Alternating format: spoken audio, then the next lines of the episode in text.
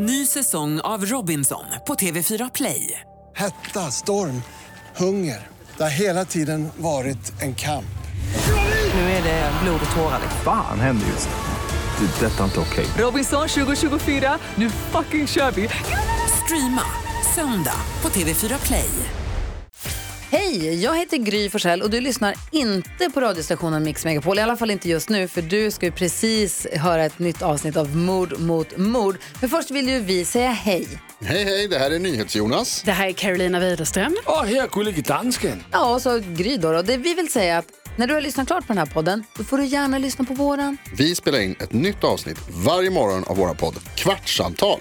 Och hela radioprogrammet blir ju också en podd om man är väldigt morgontrött eller så. Just det, om man missar morgonen ja. Men mest av allt så får du gärna lyssna på programmet i direktsändning varje morgon på Mix Megapol. Live varje morgon från klockan sex och då har vi med oss massor med vänner också. Thomas Bodström, Babben Larsson, Johan Pettersson, Christian Luuk. Massor med coola människor som bara dyker upp och gör livet bättre. Ja, som jag, gullige dansken. Exakt så. Och så mycket bra musik och annat skoj såklart. Så vi hörs när du vaknar på Mix Megapol. Radio Play.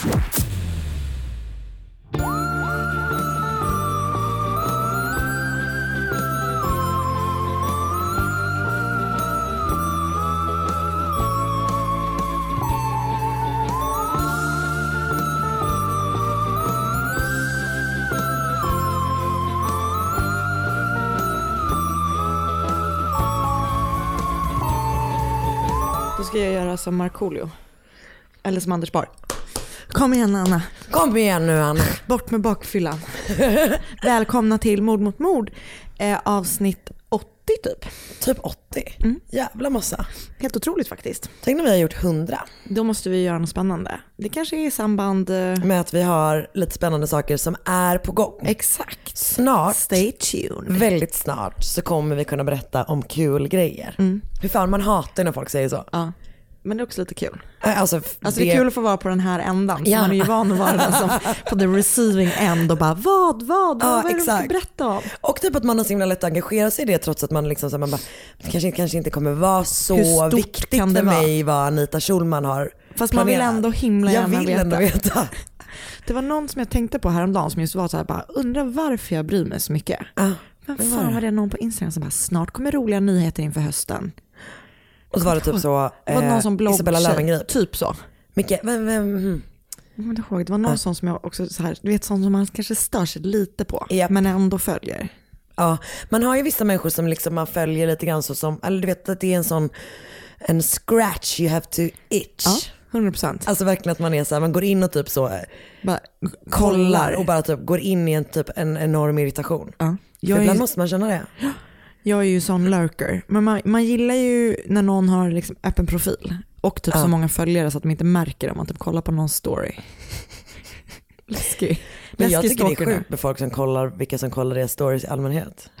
Eller folk som har koll på så här, nu avföljde den här personen Ja det är faktiskt Det sjukt. tycker jag är helt Ja, sjukt. Det är sjukt. Och folk som också kan ha, alltså har mage att vara så här, höra av sig till folk och bara, nu, eh, varför avföljde du mig? Det finns sådana människor. det, är ju, det är ju en galen person. Det är ju 100%, det är ett beteende som vi absolut inte kan liksom tolerera Nej. som samhälle. Alltså nej, jag är helt med dig. Eh, Idag har vi, Bakispodden. idag har vi Bakispodden, vi har en, det här är min bästa setup. Ja. Det var länge sedan vi kunde spela in så här. Vi är ju hemma hos dig som vi alltid är. Mm. Eh, och men nu har vi kört iväg Oskar. Han är inne i rummet. Han är förpassad till sovrummet. Ja. Eh, vi har gett honom en potta.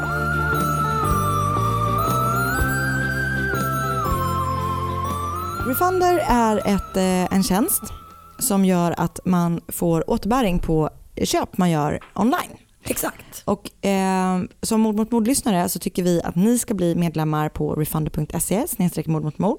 Och eh, när ni registrerar er där och gör ett köp inom två veckor för minst, Minst 200 kronor så kommer ni få ett mobilskal från Ideal of Sweden. Helt gratis. Helt gratis. Plus att ni får återbäringen och allting. Precis. Så att ehm, bli medlemmar där och sen så laddar ni ner refunder-knappen för att refunder-knappen gör att när du sök, när du ska köpa någonting, vad du nu vill köpa, du kanske vill köpa nya jeans, Mm. kanske du vill köpa. Så söker du på det, har du då laddat ner refunder-knappen så får du liksom, ser du automatiskt var du får pengar tillbaka. Så att du sparar pengar Mm. Det är så himla smart. Väldigt, väldigt smart. Mord mot mord, nej, refunder.se snedstreck mord mot mord. Bli medlem där så hjälper ni till att stötta oss också. Hej! Hej!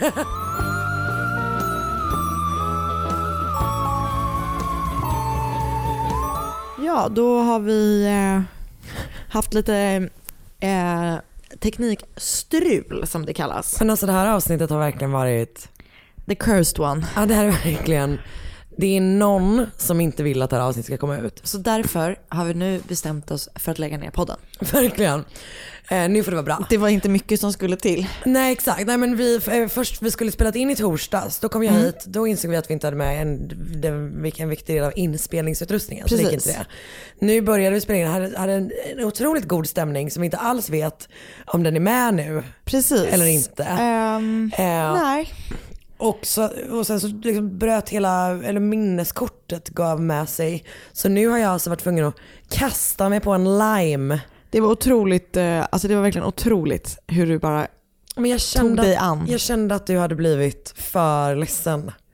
Och det kändes onödigt att vi båda två skulle plågas. Så det vi, vi att skulle bara- ut här och leta efter varsin Voi. Ah, nej. Mm. Det, Ja, det var känns väldigt mysigt att ta en stort. liten Voi-tur för dig och mig.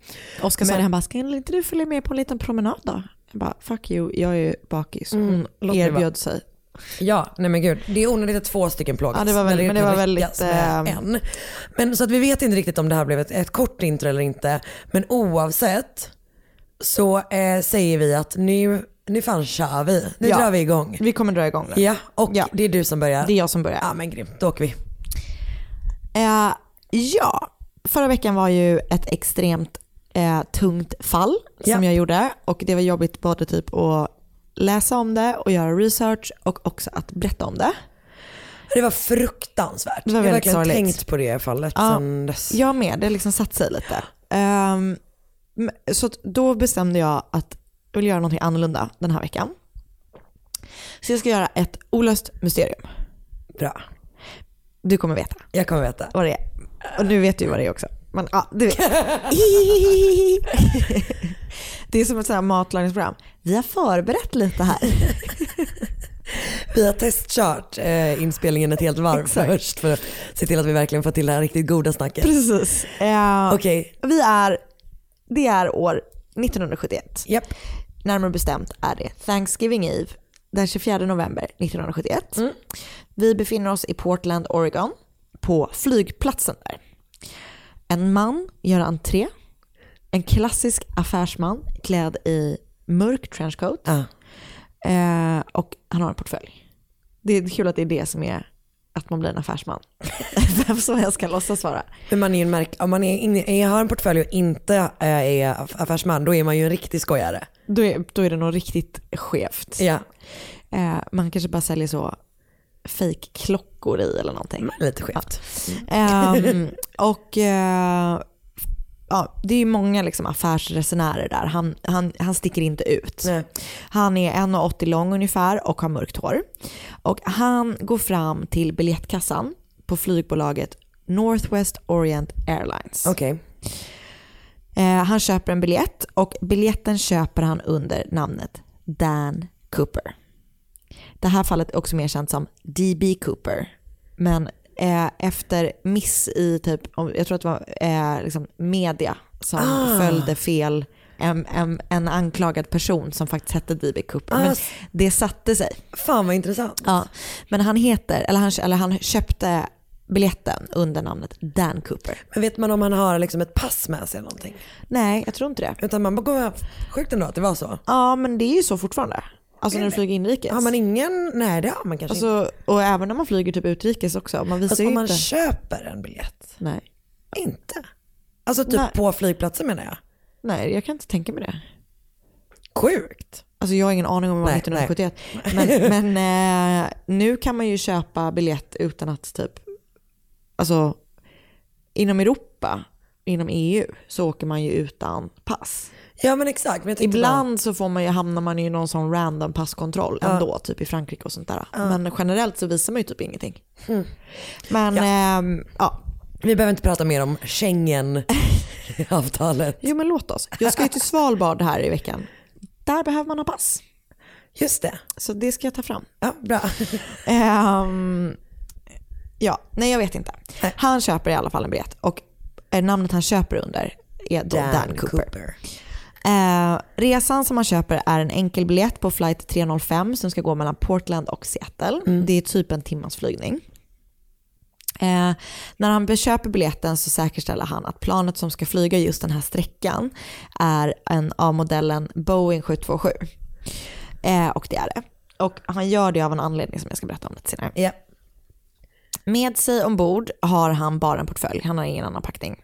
Och eh, när han boardar planet så sätter han sig, eller han sitter typ ganska långt bak i planet och så tä- tänder han en cigg och beställer in en bourbon. Eh, är bourbon whisky va? ja. Amerikansk whisky va? Ja, äckligt. Mm. Eh, Ja, äckligt. Väldigt äckligt faktiskt. Ja, de, planet är typ en tredjedels fullt och de taxar ut för att lyfta. Och Persian Florence Schaffner säger åt honom att här, du måste lägga undan din portfölj typ. Eh, när de lyfter. Och när de har lyft så lämnar Dan Cooper en lapp till henne.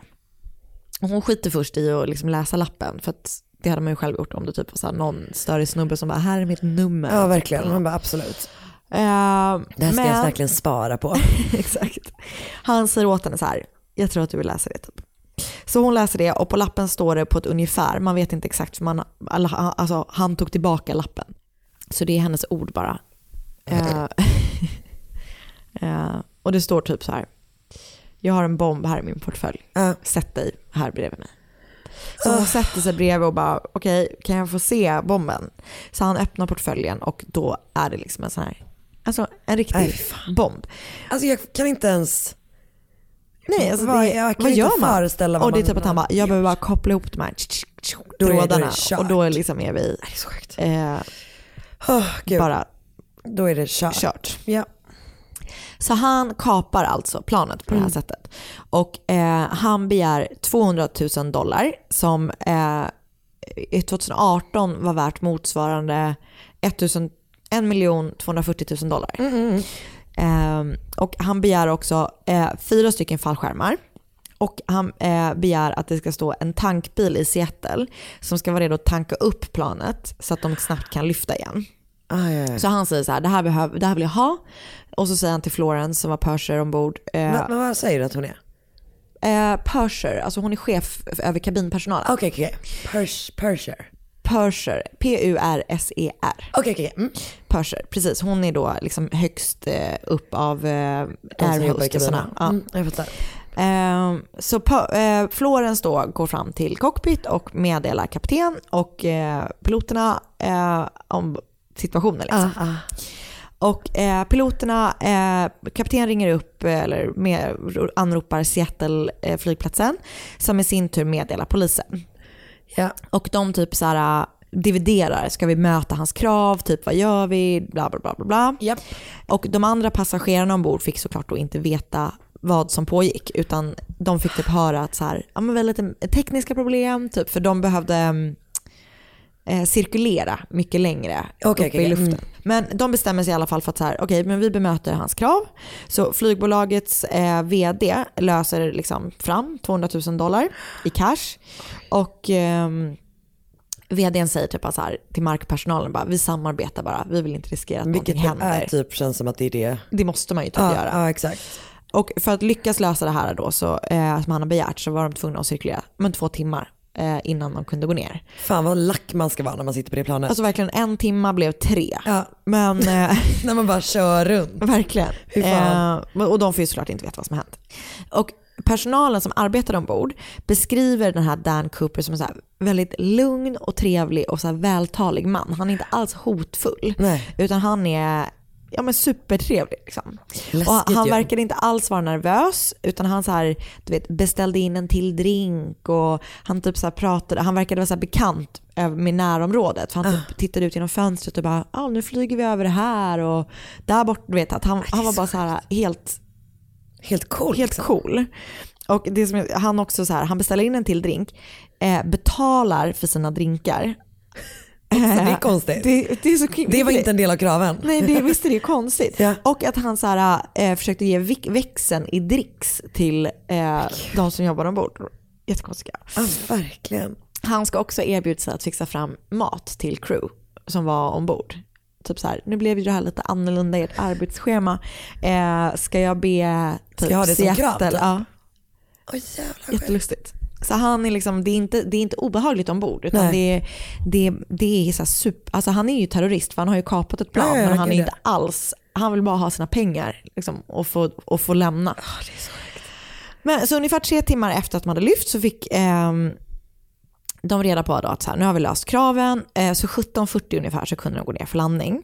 Och när de har landat så kommer en person som jobbar på Seattles flygplats ut med en portfölj med pengarna och de här fyra fallskärmarna. Ja. Eh, och då ser Dan Cooper till att alla passagerare får kliva av och att eh, Florence Schaffner som var då purser ombord och att en annan flygvärdinna eh, som heter Alice Hancock, de fick kliva av. Och medan planet tankades upp igen så pratade han med piloterna och typ så här, okej jag vill åka eh, eller han liksom prata om vilken rutt de skulle Just ta det. när han skulle vidare. Eh, och han var så väldigt, han visste väldigt mycket om, så han var typ så här, jag vill flyga på den här max altituden, jag vill till Mexiko, det är hans liksom slutdestination. Ja. Men de typ dividerar så här, vilken speed ska vi hålla, vilken höjd ska vi Men flyga gud, han är på? liksom superpåläst på flyg. Ja. Och så är han så här, jag vill att vi ska flyga med landningsställen nedfällda hela tiden, varför han nu ville det. Och så är de typ så här, okej du vill till Mexiko. De liksom dividerar, det är inte bara så här, Nej. de resonerar verkligen. Och de bara, men vi, om du ska till Mexiko så kommer vi behöva tanka igen. För att vi, det, vi typ kommer inte tillräckligt långt. Just det. Så han bara, "Ah, ja okej men eh, då, tar vi, då tankar vi i Reno i Nevada Ja. innan, eh, innan liksom, vi går vidare igen till Mexiko. så Det är jättekonstigt. så spännande. Det är så jävla weird. Eh, och att de så sitter, han är så helt omaskerad. De sitter så mitt emot varandra och bara... Och bara snacka. Och bara snacka snackar. flyg. Verkligen. Ja. Så, så lyfter de igen, eh, typ 28 på kvällen så lyfter planet igen. Och då var Cooper ombord, piloten som heter Scott, eller kaptenen som heter Scott, eh, styrmannen som heter Ratachak, tror jag, om man uttalar det. Och en steward som då är en typ eh, flygvärd också som heter Mucklow, eh, Tina Mucklow och eh, en flygtekniker vid namn H.E. Anderson. Bra namn. Mycket bra. Nästan som H.C. Anderson. Som är en Hur sjukt är det att känd säga att H.C. författare. Andersen var med på D.B. Cooper-flighten. Har bland annat skrivit Fulankungen och eh, Flickan med svavelstickorna. Eh, visst, Ja, eh, jag tror det. eller? Den Fulankungen är det i alla fall. Ja, skitsamma. Ja. Eh, så de lyfter i alla fall. Och när de lyfter så kommer det fem andra plan som liksom lägger sig bakom och typ över och under för att skugga honom. Fast liksom, ja. eh, så att de ska hålla koll på vad som händer. och när de väl är uppe i luften så befaller Cooper att alla som, eller han ber typ alla som är ombord att så gå in i cockpit så han får vara själv ute i kabinen. Så de här fyra personerna, det är ju trångt i en cockpit. Alltså, det måste man ju ändå säga. Och det är ändå då, det är fyra personer som ska liksom in där. Så att han ska kunna få hålla på själv Privacy. där. Och efter ungefär bara alltså 20 minuter upp i luften så märker de att det blir en tryckförändring ombord. Vilket indikerar då att en dörr, alltså att det har blivit, eh, någon har öppnat planet. Eh, och efter lite turer så här, det händer ju så här, det blir någon, du vet de måste stiga och det händer massa saker rent så luft eller flygtekniskt när den här dörren har öppnats. Eh, men till slut så kan de då gå ner för landning eh, eh, 22.15 och då landar de någonstans som jag inte vet just nu var de var. Men de landar i alla fall. Och då kan man ju snabbt konstatera på så här, okej han är inte ombord. Men de gick inte ut och kollade? Nej, jag tror inte det. Det kanske de gjorde. Men det, det är först när de har landat Som de är så här- så här bara, okej, nej han är verkligen inte Nej. kvar. Ehm, och han har då lämnat planet med två flygskärmar, Fallskärmar? fallskärmar. Ja. Eh, Han bad om fyra, han använde två och tog med sig dem. Ja, Mm. och eh, jag ska berätta lite mer om dem sen. Ja. Och anledningen till att han då ville åka på den här flighten som var av den här modellen var för att det här var, alltså de hade typ en fast baktrappa på det här planet. Att man kunde öppna det på något speciellt sätt, just Okej. den här flygplansmodellen. Så han visste att det skulle kunna gå att öppnas i luften. Typ. Okej, okej.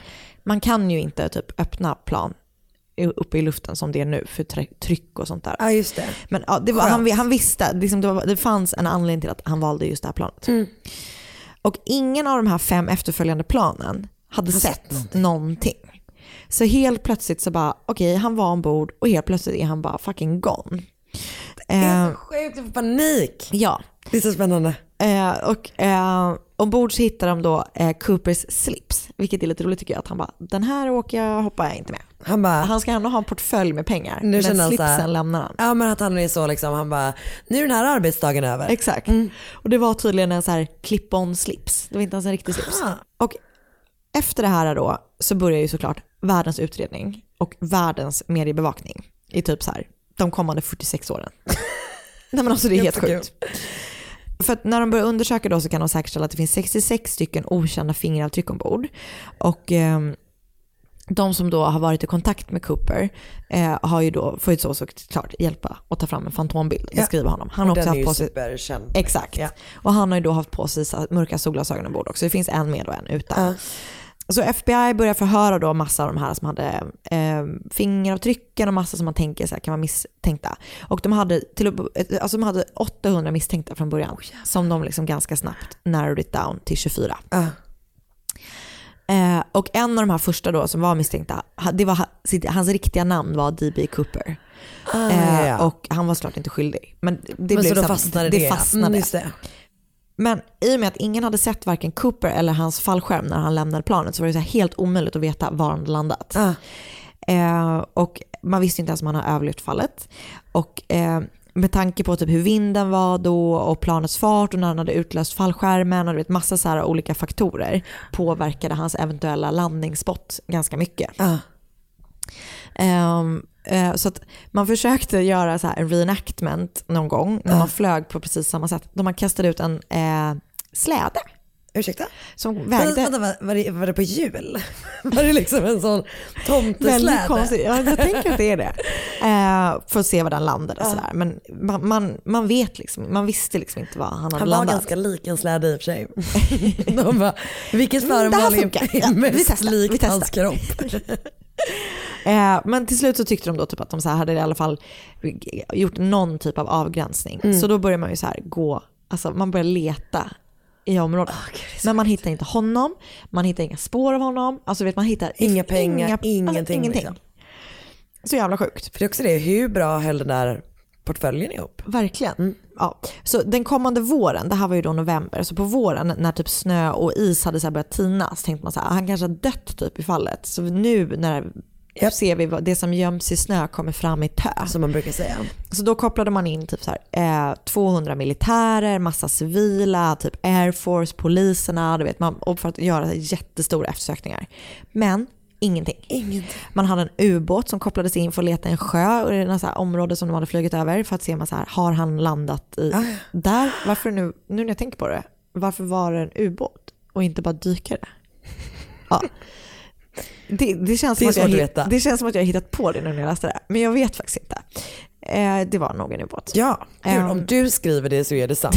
Det är det som gäller i den här Så- ja, podden. gud, ja. Okay, Eh, och de hittade typ så ett mänskligt skelett som de bara, det här är nog han. Men så visade det sig att det var typ en, en kvinnlig tonåring Oj, som hade försvunnit på något annat vänster. Och så. Eh, så det är så här, han är spårlös han är försvunnen. spårlöst försvunnen. Och de här pengarna som han har fått med sig har man ju såklart liksom noterat serienumret på så att man ska kunna spåra om de används. Inte heller de kunde man hitta någonstans. Eh, 1972 så lämnade två män in sedlar med serienumret på sig men de var förfalskade för de gick ju ut med det här numret. Så att, ja. vet, alla, folk vill ju så här, Men de vill ha om ni ska förfalska några sedlar kanske ni inte ska ta just dem. det känns För de ville typ ha hittelön. De bara så här, vi har hittat... Ah, ja, ja, eh, jag fattar, det var inte det att de försökte handla med Nej, dem. exakt. jag tänkte att det var så jävla korkat. Ah, okej. Eh, och eh, så har det, det har dykt upp några så fysiska bevis eh, Genom åren liksom. genom åren. Så 1978 hittade man en skiss på hur man just sänkte den här trappan eh, på en sån Boeing 727 i närheten av flight 305s vanliga rutt. Alltså så här, har han tappat det typ? Eller det? Alltså, vet, Också weird. vet inte. Allting är inte superstarka bevis. Nej, nej. Men 1980 däremot så hittade en pojke, när han var typ på semester så hittade han sedlar som var en del av de här pengarna. Nej. Jo, och de var typ helt eh, förstörda. Så han var, var han i det här området och liksom hittade det? Alltså jag minns inte exakt var han var någonstans, men de är liksom typ och badar. Eh, Och sen plötsligt bara också. Hur kul var den pojken? alltså så coolt. så spännande. Inga andra sedlar har någonsin hittats utöver de här. 2017 så hittades en del av en eh, jag skriver flygskärm hela tiden. Det är såklart fallskärm. Ja. Eh, som man tror då kan ha tillhört Cooper, alltså någon del av vad det nu var. Och, ehm, och utöver de här så har man då också hittat det, så här, man hittade typ så små DNA-spår på den här slipsen eh, som var Coopers, men de kunde man inte, det var inte tillräckligt stort så man kunde inte göra någon profil av det. Liksom. Och eh, ut, baserat på den fallskärmen han valde, som tydligen liksom var av någon typ av modell, så tänkte man också bara så här, han är nog inte en van fallskärmshoppare, fast han har ändå liksom lyckats det, men han är inte proffsfallskärmshoppare. Eh, så man, under år, man jobbar liksom mycket på det hela tiden. 2011 så hittade de eh, 2011 så hittade de eh, titaniumpartiklar och eh, typ någonting annat eh, på slipsen också. Och ti- titanium var mycket mer ovanligt på 70-talet än vad det är idag. Eller jag vet inte hur vanligt det var heller. Men Gud, jag har ingen aning. Eh, men det, man tyckte då att det spåret kunde indikera att han kanske var så här, någon typ av ingenjör eller typ någon, om han var kemist. Eller Ja. så här. Eh, men 2017 så sa de, nej den 8 juli 2016 berättade FBI att de lägger ner utredningen eh, på vad som har hänt. Då är det ändå så eh, 45 år senare. Men eh, lokalpolis tar fortfarande emot så här bevis om man har några. Uh, uh. Men 2017, eh, utöver, 2011 hittade man de här titaniumpartiklarna. 2017 så hittade man andra så sällsynta mineraler eller vad det var på slipsen också. Eh, eh, Så just, konstigt. Ja, som just under 70-talet hanterades i något superhemligt projekt på Boeing. Nej. Så att man tänkte så här bara, han kanske var typ flygtekniker på Boeing och så här, hade liksom insyn. Ah, ja. Eh, och som jag också nämnde tidigare så verkade han ju så här bekant med området som de flög över. Och han pekade bland annat ut en militärbas som inte så många civila människor kände till. Så det fick man också tänka sig, bara, Är han han är nog militär. Eh, man gissade att han hade tagit sitt alias från en holländsk serietidning där det var en Air Force-pilot som just hette Dan Cooper. Och eh, den här tidningen hade aldrig översatts till engelska. Eller jo det hade den, men den hade aldrig kommit till USA.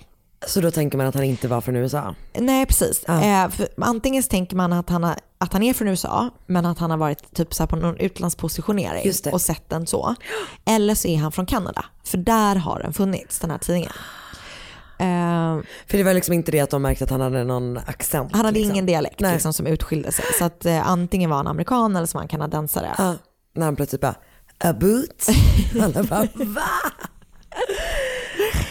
Ja, han pratade mycket om Kanada det i och för sig men det är säkert inte viktigt. Eh, han hade ju då också, som jag sa när de pratade om den här rutten som de skulle ta, så hade han ju mycket god kun- kunskap om så flygplan och flygande. Det är så. Eh, däremot så verkade det då inte som han hade så här superbra koll på fallskärmshoppande. Men ehm, Men det har man ju inte om man är liksom Nej. flygtekniker. nej precis. Eller så. För typ han har, alltså så här, det här, de här, så här weather conditionserna under den dagen var typ så här, det hade typ ingen gjort om de inte var så specialutrustade. Ja, jag fattar. Och han hade inte bett om att få en hjälm och så här. Så man tänker typ att så här, alltså det var typ alltså november, alltså kallt, Gud, vänta till våren. Verkligen. Så att man tänker så här, ja, han, hade, han var inte så superinsatt i Nej. det. Eller han hade liksom jättemycket kunskap inom vissa delar typ. Ja men lite så. Ja. Eh, som, som min systers man beskriver det, att man har eh, fläckvis intelligens. Ja, exakt. Fläckvis flygkunskap. Exakt. Eh, så att de, FBI är typ inte ens säkra på att han har överlevt det här fallet. Nej. Men man har ju heller aldrig hittat en kropp. Så det är skitkonstigt. Eh, och så, jag ska, det finns ju då massa indikationer på vad det kan vara, det finns massa teorier. Jag ska nu berätta eh, om några Några misstänkta. spår liksom. Mm, kul. Eh, Och Anna, jag är så glad att du gör, gör det här fallet. är du det? Ja, jag är Vad verkligen det. Det är så jävla spännande. Ja, men det är så sjukt Ja, jävla vet. konstigt. Och även om man är terrorist så är det typ att man bara, he's pretty cool. Eller? Jo men det är ju hela den grejen som är så här. Delvis så kan man också känna så för att det typ ingen kom till skada. Nej precis. Så här, och även för att det är helt sjukt att han försvann spårlöst. Spårlöst. Och Och han var så att lugn man. Alltså, han- man hatar ju honom också. Alltså ja, han, verkar ju för han verkar ju äkta störig. störig. Ja. Men jag ska också säga att alltså, det här var ju då också, efter det här hände så ökade man ju flygsäkerheten. På, alltså man införde ju massa grejer för att bara, okej det här får typ inte hända. Nej. Men det har också varit många som har, ja det kommer jag till. Ehm, Okej, Okej, misstänkta. några misstänkta.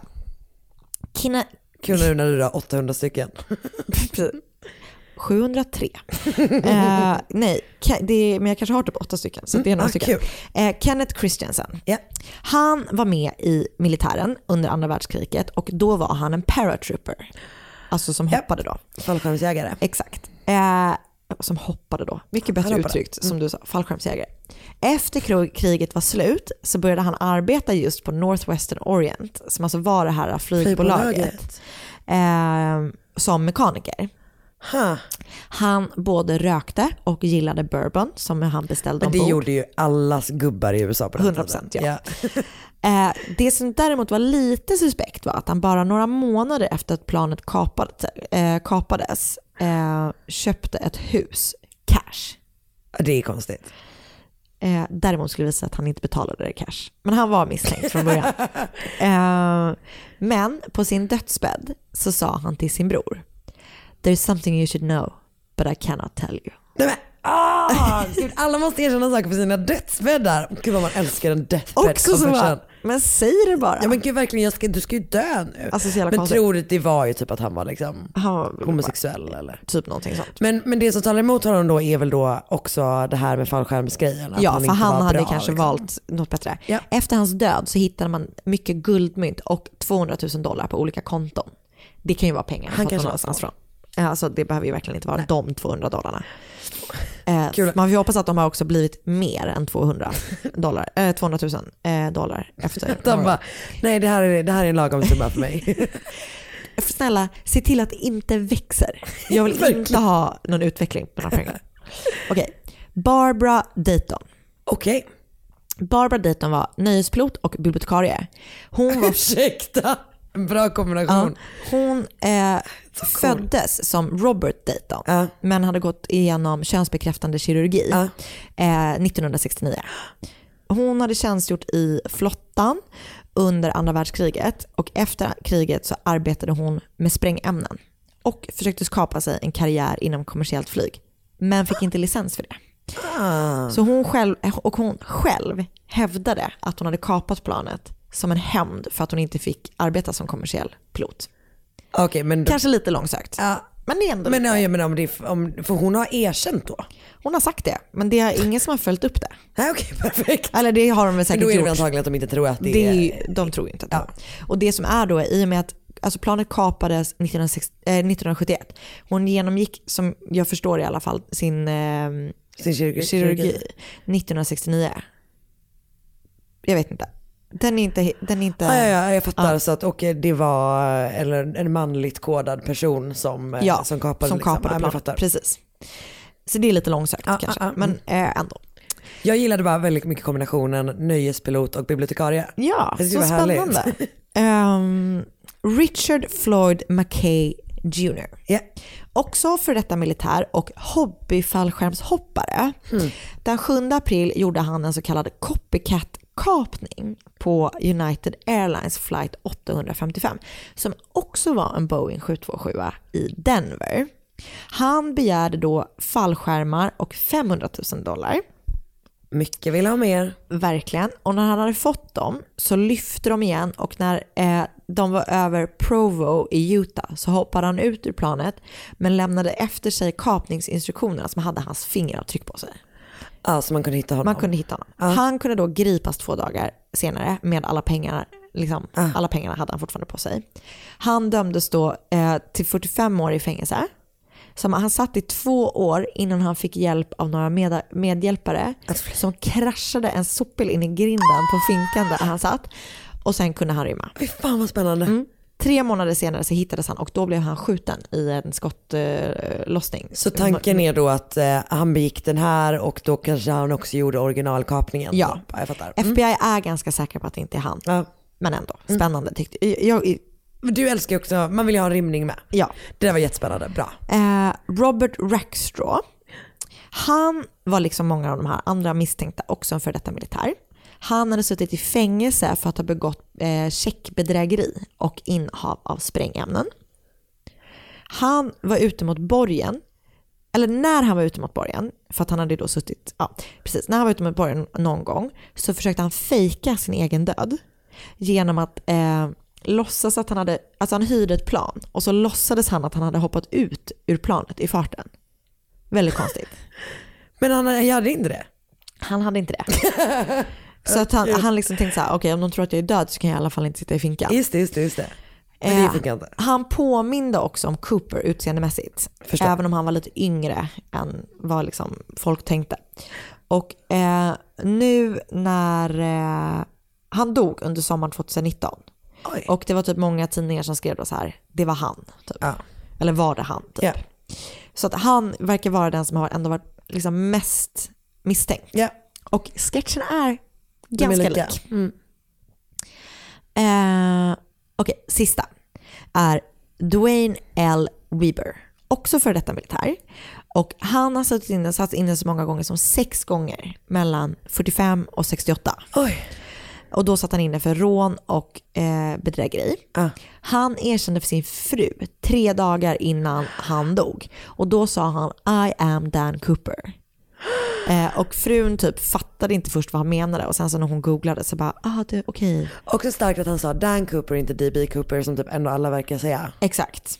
Och hon, eh, hon då anmäler typ till polisen att så här, min, det var min exman, som, eller min, eh, inte exman, det var min numera framlidne man som var Dan Cooper. Och hon, hon var så här, han har också pratat i sömnen och sagt att han har lämnat eh, fingeravtryck på baktrappan. Och du vet, alltså, hon hade typ Gud så specifikt Hon som, verkar lite som koko. sömnprat. Verkligen. Och han ska typ också ha sagt så här någon gång bara, nej den här gamla knäskadan den har jag fått när jag hoppade ut ur ett plan. typ så. eh, han blev avskriven som eh, misstänkt också. Och hans fingeravtryck matchade ju inte Nej just det, den något av de som hade, han hade inte varit ombord. Liksom. Nej. Eh, och man vet ju fortfarande inte vem det är. Och man vet inte om han dog. Eller om han typ alltså, Klarar sig, liksom. klarar sig. Eller han, pengarna aldrig används. Alltså, ja, för det är ju det, det är så jävla är, konstigt. Fast den, det kan man ju i och för sig typ, jag antar att man får tvätta de pengarna och sen så, men jag menar de, det är ingen måste som ju- vill ha dem. Nej. Liksom. Så att, eh, ja. Vad tror du, vad tror du? Tror du han överlevde? Alltså ja. Jag tänker att han typ måste ha gjort det för annars borde de ha hittat kroppen. Ja, med tanke på hur jävla mycket de har sökt. Ja. Och samtidigt som att fan vad svårt det måste vara Och typ så att här, hitta folk. ja och typ när han hoppade, det som talar emot det är ju typ, det var november, han var typ inte rustad för att vara så wildlife. Om man liksom landar någonstans ute i middle of nowhere. Exakt. Så om han klarar fallet så typ tänker man att han kanske har dött under tiden han, eh, Ja, han, kanske, han kanske inte klarade sig. fast visst, fast visst vill vi väl ändå säga att, eller att, att han klarade sig? Ja, jag tänker att han, nu är han väl typ så här 80. Jag tänker att han sitter någonstans i eh, Mexiko. Han kanske stannade där, byggde en stuga. Ja. Nu är hans bästis en björn. Just det, Mm. Och så är det. pengarna har inte blivit en krona fler. Så bra.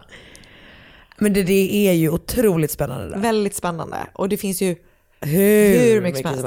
Eh, jag lyssnade både på poddar och eh, Ja, det finns ju, YouTube ja, ja. Youtube och hela jävla grejen. Anna, 150 år gammal. Nu måste jag ta nässpray innan du ska få gå och köra vidare med ditt fall. Japp, japp. Tack, tack. Tack snälla, det var så jävla spännande. Tack. Ny säsong av Robinson på TV4 Play. Hetta, storm, hunger. Det har hela tiden varit en kamp. Nu är det blod och tårar. Fan händer just det. Det är detta inte okej. Robinson 2024, nu fucking kör vi! Streama söndag på TV4 Play. Ett poddtips från Podplay. I fallen jag aldrig glömmer djupdyker Hasse Aro i arbetet bakom några av Sveriges mest uppseendeväckande brottsutredningar. Går vi in med hemlig telefonavlyssning och, och då upplever vi att vi får en total förändring av hans beteende. Vad är det som händer nu? Vem är det som läcker? Och så säger han att jag är kriminell, jag har varit kriminell i hela mitt liv men att mörda ett barn, där går min gräns. Nya säsongen av Fallen jag aldrig glömmer på Podplay.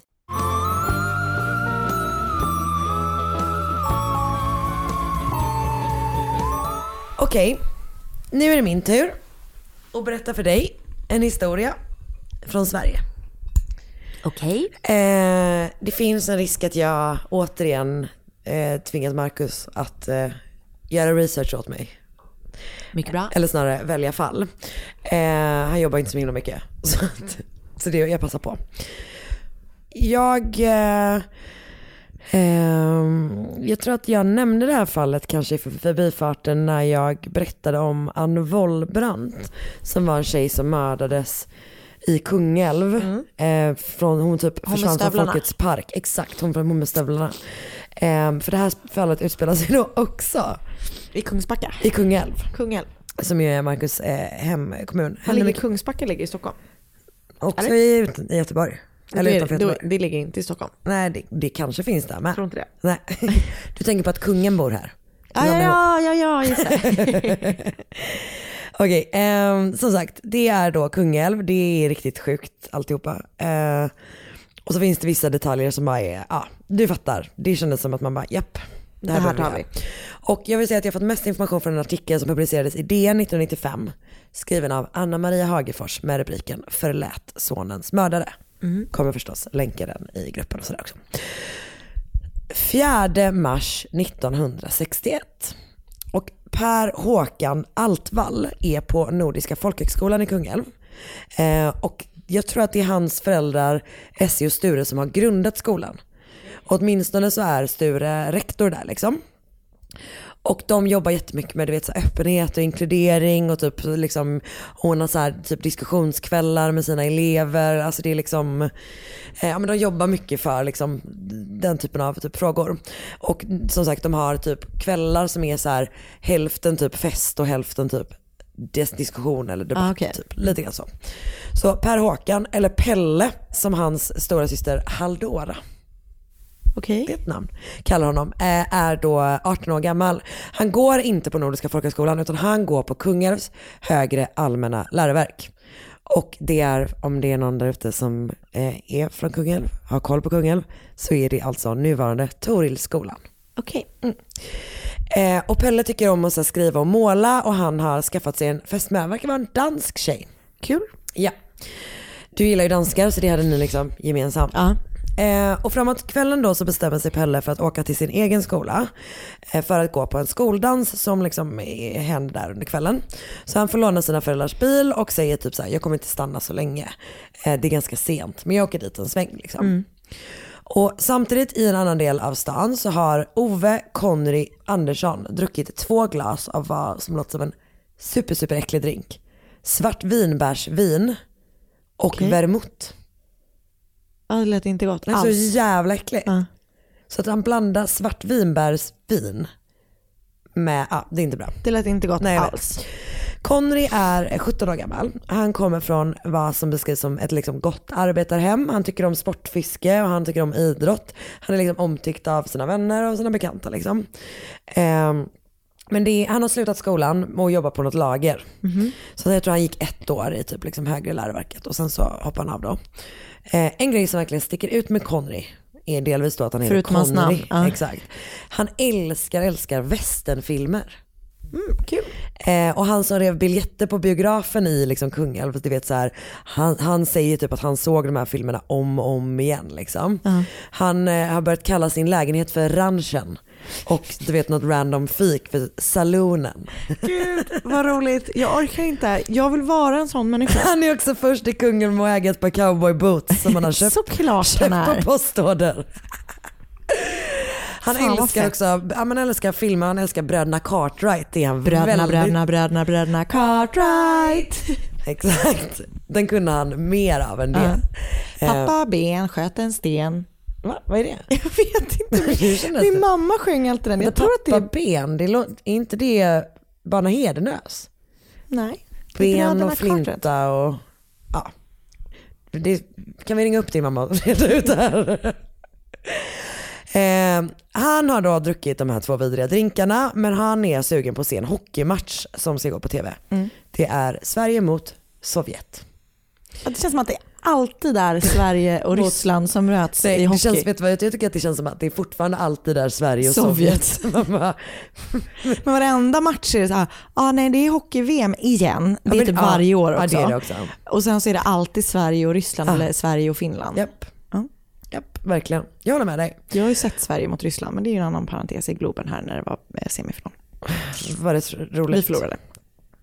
Jag älskar hockey, jag tycker det är jättekul. Gör det? Ja. Gud vad jag inte gillar Eller hockey. älskar kanske. Jag tycker det är Verkligen. ganska kul. Öv som killpleaser. Men gud, det är så road. Nej men jag tycker det är ganska, jag tycker det är ganska kul, inte att kolla på tv men typ så här vara där. Ja, du gillar en god stämning, Ja. en god masspsykos. Mm.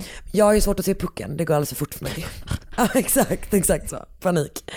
Eh, han ska då se den här matchen, tror jag, i ett rum på den här skolan. Mhm. För att han hade väl ingen tv, antar jag. Det är så här jag har förstått det i alla fall. Ehm, och samtidigt då så vet han om att det pågår liksom en skoldans typ så här. Så han eh, antar, jag antar att han kanske typ tänkte så här, så därför kan jag ju gå dit och kolla på tv en stund. Mm. För det är inte, det ändå kommer vara folk där typ. Det här vet jag inte, det hittade jag precis på. Eh, så vid halv elva, så han sitter liksom i det här rummet och typ kollar på den här matchen. Och vid halv elva så går han till den här liksom, eh, lokalen där festen är. Och där träffar han en bekant som är amatörboxare. Jag vet inte riktigt varför det klargörs hela tiden Nej. att han är amatörboxare, men det gör det i alla fall. Och Conry och den här amatörboxaren hamnar i något slags liksom, lite gruff typ.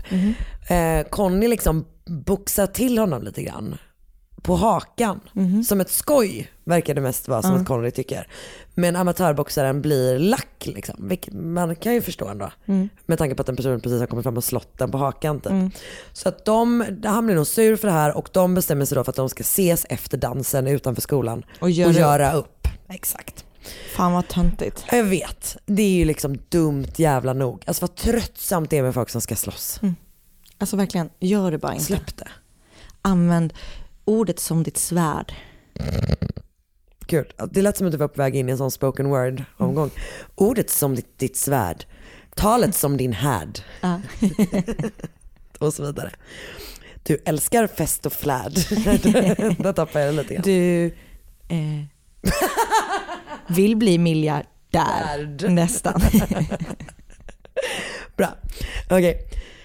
Eh, bla bla bla. Det är som sagt dumt tröttsamt med folk ska slåss. Men grejen är att det som folk inte vet är att Connery har då tagit sin cowboy obsession längre och köpt en pistol av en kollega för en liten summa pengar. Och pistolen har han varit ute och liksom så här testskjutit i skogen. Jag tror att han mest har tränat på att dra snabbare än sin egen skugga. Lucky Luke. Ja, exakt. Så tänker jag att det är. Men han har säkert skjutit lite också. Ehm, hur som helst då så har Connery gömt pistolen hos en kompis. Mhm. Vilket, ja, också. Gö- Göm inte pistoler hemma hos era kompisar. Nej. Så ha inte kompisen om pistoler. det? Vad sa du? Visste kompisen om det? Oklart. Ehm, så amatörboxaren han då bestämmer att de ska slåss och då går han istället hem till kompisen och hämtar pistolen och liksom laddar vapnet då. Mm. Sen går han tillbaka till skolan och skol, eh, liksom den här dansen och vid ingången så här på skolgården så står Pelle Altvall då. Och så går liksom Conny går förbi, eller liksom är på väg mot dem, eh, han, Pelle och hans sällskap. Och så säger han, nu blir det pang-pang. Och folk tror först liksom att han skämtar. Alltså du vet så här, nu kommer liksom den cowboy-toke här och viftar med en jäkla knallpulverpistol liksom. Eh, att han bara så här, han det här ska försöka skrämma folk, han är Mm. packad liksom. Men grejen är då att han börjar skjuta. Och först så tror elever att det är smällare som går av liksom. Mm. Men snart inser de då att nej nej, det är, ja, kommer liksom bli Sveriges, jag tror enda eh, skolskjutning. Mm. För Trollhättan var ju inte, Nej, det var inte en skjutning. nej exakt. Ja, Åtminstone så är det Sveriges första skolskjutning liksom. Eh, han har då som sagt tagit med sig en riktig pistol och innan den här skjutningen är över så hinner Connery avlossa totalt 15 skott. Precis utanför och inne i skolan. Och hans första skott tar Pelle i benet. Och sen skjuter han två till och de tar i magen. Sen går han liksom in i skolan där han skjuter mot andra elever. Och det blir liksom panik. Det är typ 200 personer som är på den här festen och du vet så här Folk gömmer sig typ under stolar och liksom så här, det, Det är finns så så flyg. Ja, jag vet. läskigt. Det är ju det, typ det läskigaste med alla, alltså med de Mm. berättelserna, från, berättelserna från Utöja. Mm. Just Ja, hur de göm, alltså det är så jävla Det jävla är så läskigt. obehagligt. Ja, Det är verkligen fruktansvärt. Så skräcken. Ja den totala paniken Mm. men att du ändå måste liksom trycka ner den och bara vara stilla Mm. och liksom bara hoppas. Alltså det är det enda du kan, nej det är så, det är så jävla vidrigt. Så folk gömmer sig under stolar, folk gömmer sig också bakom någon typ eh, flygel som finns där.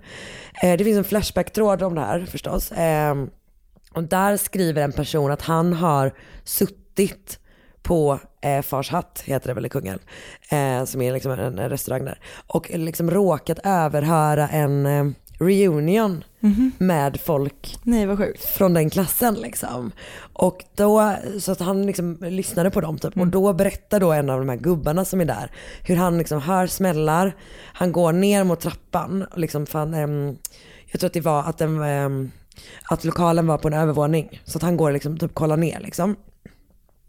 Och han fattar liksom ingenting fastän han, han ser liksom så här hur folk typ bara faller. Fan. Och sen så tar, känner han att hans ben liksom i typ höfthöjd blir liksom, det bränner till och sen så blir det bara varmt och sen när han tittar ner så liksom bl- blöder han så här rejält verkligen. Men gud hur många Eh, blev skjutna? Ja men vi kommer till det. Mm. Och det som räddar honom enligt den här historien som är då det kanske är den svagaste källan jag någonsin haft, det vill säga Ja, jo. random person i Flashback-tråd har överhört en diskussion. Du fattar. Mm. Men jag tyckte ändå det, det var något. Eh, så det som räddar honom är att han har en plånbok i fickan. Mhm. Som liksom, jag vet inte om det styr bort. Så att eh, kulan studsar ut eller liksom sådär. Och ehm, ja men så här, så att eleverna flyr liksom ut från salen, de springer ut i korridorerna, de gömmer sig så gott de bara kan. Och till slut lyckas nå- någon kontakta polisen. Men när polisen kommer så är Connery Andersson redan borta. Han har då träffat sju personer. Ehm, och de tas liksom först till ett klassrum där man börjar vårda dem. Mhm. Innan de då tas vidare till, liksom, ehm, till lasarettet. Ehm, och sex skottskadade, alla är mellan 15 och 18 år gamla, eh, överlever. Mm. Sex personer. Men 18-åriga Per Håkan Altvall avlider av sina skador. Mm. Han har ju fått som sagt tre skott, varav två i magen. Oh, liksom. Eh, och eleverna på skoldansen har ju känt igen Connery, alltså de vet vem han är liksom. Så polisen får ju direkt reda på vem det är som har gjort det här då. Och begär förstärkning från Göteborgspolisen och börjar liksom leta efter honom direkt. Och man tror då att han har flytt så här mot Ytterbyhållet och man söker efter honom.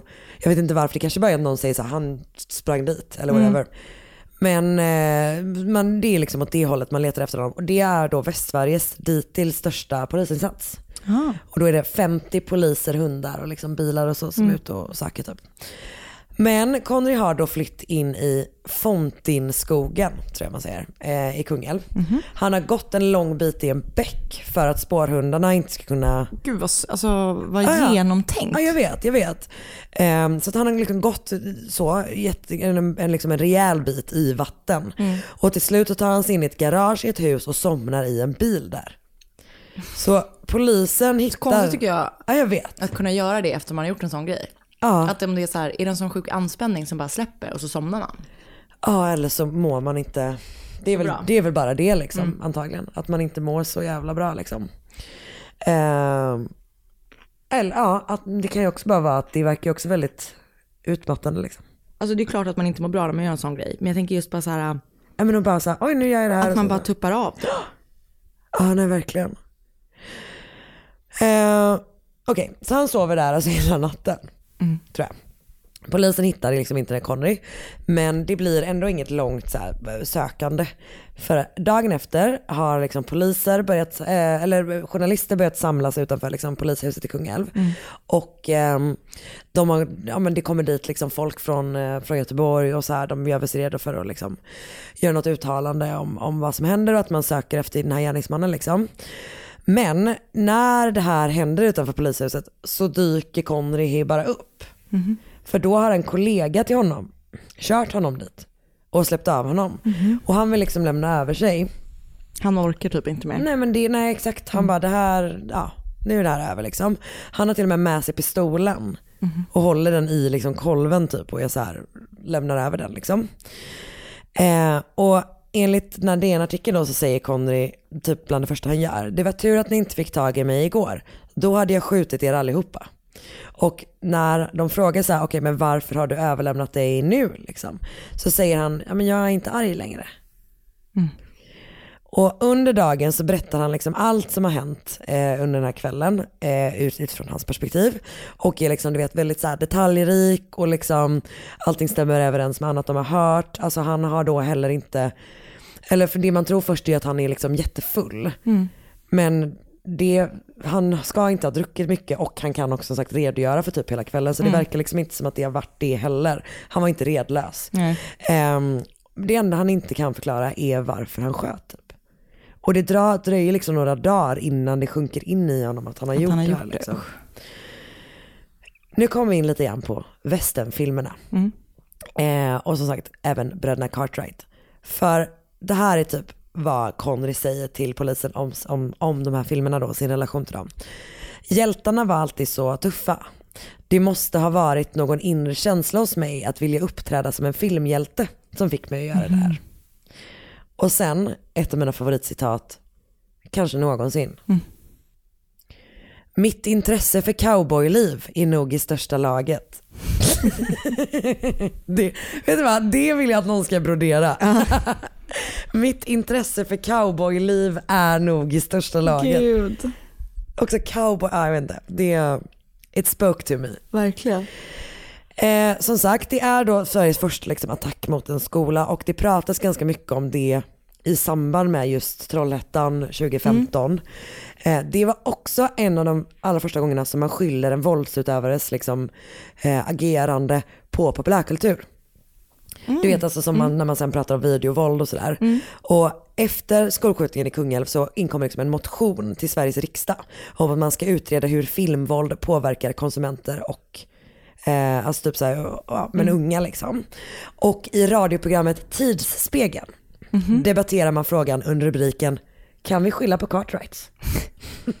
jag, inte, jag vet inte vad de kom fram till men Gud vad roligt. men det är så sjukt, eller du vet, för det är ju så, då tyckte man liksom att westernfilmer Ja, var så. var så jävla sjukt. Att det är intressant hur det liksom, Vad, hur mycket man förskjuter det. ja ja ja exakt. Att det är så här, ja bröderna, bröderna, bröderna, bröderna. Cartwright! Okej. Det här är då liksom, det är ju ett supersorgligt fall om en sjuk pojke liksom, som inte får den hjälp han behöver. Som så många gånger andra fall som vi berättar om. Och därför liksom, på grund av det här så, så blir liksom en familj av med sin yngsta son. Conny döms till rättspsykiatrisk vård. Han sitter på Sankt Jörgens mentalsjukhus. Och där, även jag, han som, du kommer ihåg att jag gjorde om ett bombdåd i Göteborg? Mm. Där han satt också på Sankt Jörgen. Ah. Min hals är så dålig nu. Jag vet inte riktigt hur länge han sitter, men jag vet att fyra år efter så är han tillbaka i Kungälv och är gift och har barn. Så att han sitter nog inte, Snabbt inte så ändå. länge liksom. Och han lever i Kungälv tills han då eh, 2008, supersorgligt nog, tar sitt liv. Aha, usch. Ja, det är jätte, jätte, jättesorgligt verkligen. För familjen Altvall så påverkar det, liksom, det är klart att den här saken påverkar hela deras Mm. liv. Det är ju givet liksom, att förlora sitt barn och sin bror. Men alltså de verkar vara en helt otrolig samling människor. Jaså? Redan dagen efter dådet så besöker Essie, alltså eh, Pelles mamma, eh, Connys familj. Åh. Och lämnar över varför det- blommor Ja. och säger så här att det måste vara typ, det måste vara ännu värre för hans mamma. Mm. Och hon träffar Connery på Sankt Jörgens. Jag läste en artikel där det stod så här, det, det, liksom, det blev omöjligt för staden att hata Mm. den här mannen. För att offrets mamma inte gjorde det. Nej. Så att det liksom, det gick inte och, Nej. alltså att när offrets mamma hade förlåtit honom så var liksom resten av stan tvungen att göra det också. Mm. Ehm, och de hon, sa, hon har sagt liksom att så här, sorgen och försoningsarbetet börjar liksom parallellt. Typ. Ja. Och eh, till Anna Maria Hagefors i den här DN-artikeln säger då Assi Altvall bland annat. Det var så positivt. När jag förstod att båda pojkarna blivit offer för våld, våldet, då inträdde en förlösning. Det som hjälpte oss igenom var kraften från alla vänner som slöt upp omkring oss. Eh, Conrys familj var också omsluten. Alla ställde upp och jag minns att någon sa, vet du Essie, jag vill hellre vara du än hans mamma. Stödet vi fick gjorde att hatet inte fastnade. Fint. Ja, det är så jävla fint tycker jag. Eller jag tycker det är, det är en sån otrolig styrka i typ sina grundläggande värderingar. Mm. Som är så här, nu har vi varit med om det här, men jag kommer ändå stå fast vid det jag står för. Eller Mm, det mm. är... Ja, verkligen. Eh, ja, det jag kände att det var så himla himla starkt typ. Så den 6 mars hålls en minnesstund för Per Håkan Altvall i samma lokal Mm. som skjutningen ägt rum. Eh, eller på skolgården, det är lite otydligt. Han begravs, eh, när han begravs så l- få- eh, ligger en krans från Conrys föräldrar också liksom med vid, vid graven. Och uppe vid Nordiska folkhögskolan där Pelle, Pelle då bodde med sin familj så placerar de en skulptur som är en replika av Carl Milles Guds hand. Och varje år delas också ett stipendium ut i hans minne. Eh, det går till någon som, det går till en eller ett flertal elever som gjort sig kända för gott kamratskap och elevsociala insatser. Fint. Det var skottdramat i Kungälv, Sveriges för det. första skolskjutning. Hemskt. Ja visst är det. Men också så sjukt för att vi, ehm, men för Marcus har liksom inte hört om det här. Nej. Och så pratade vi med hans pappa i, ehm, i fredags och han har ju liksom jobbat, inte, han har i varit i andra kommuner men han har ju liksom bott i Kungälv länge och, och har heller aldrig hört talas om det. Nej. Och jag tänker att det kanske hänger ihop med just det, Hur mamma, hur, ja, ja, hur nej, familjen verkligen. var liksom. Mm. Att, det, att man läkte på något sätt. Typ. Mm. Fint. Ja. Det var veckans avsnitt. Ja, och imorgon är det måndag. Imorgon är det Och så vi börjar- jävla mycket måndag. Och så börjar om igen. Börjar om igen.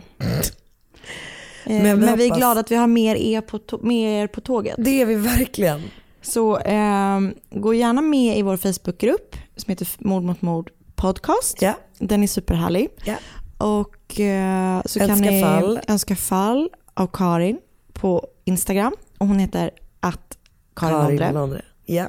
Och jag vill gärna att ni önskar fall av mig.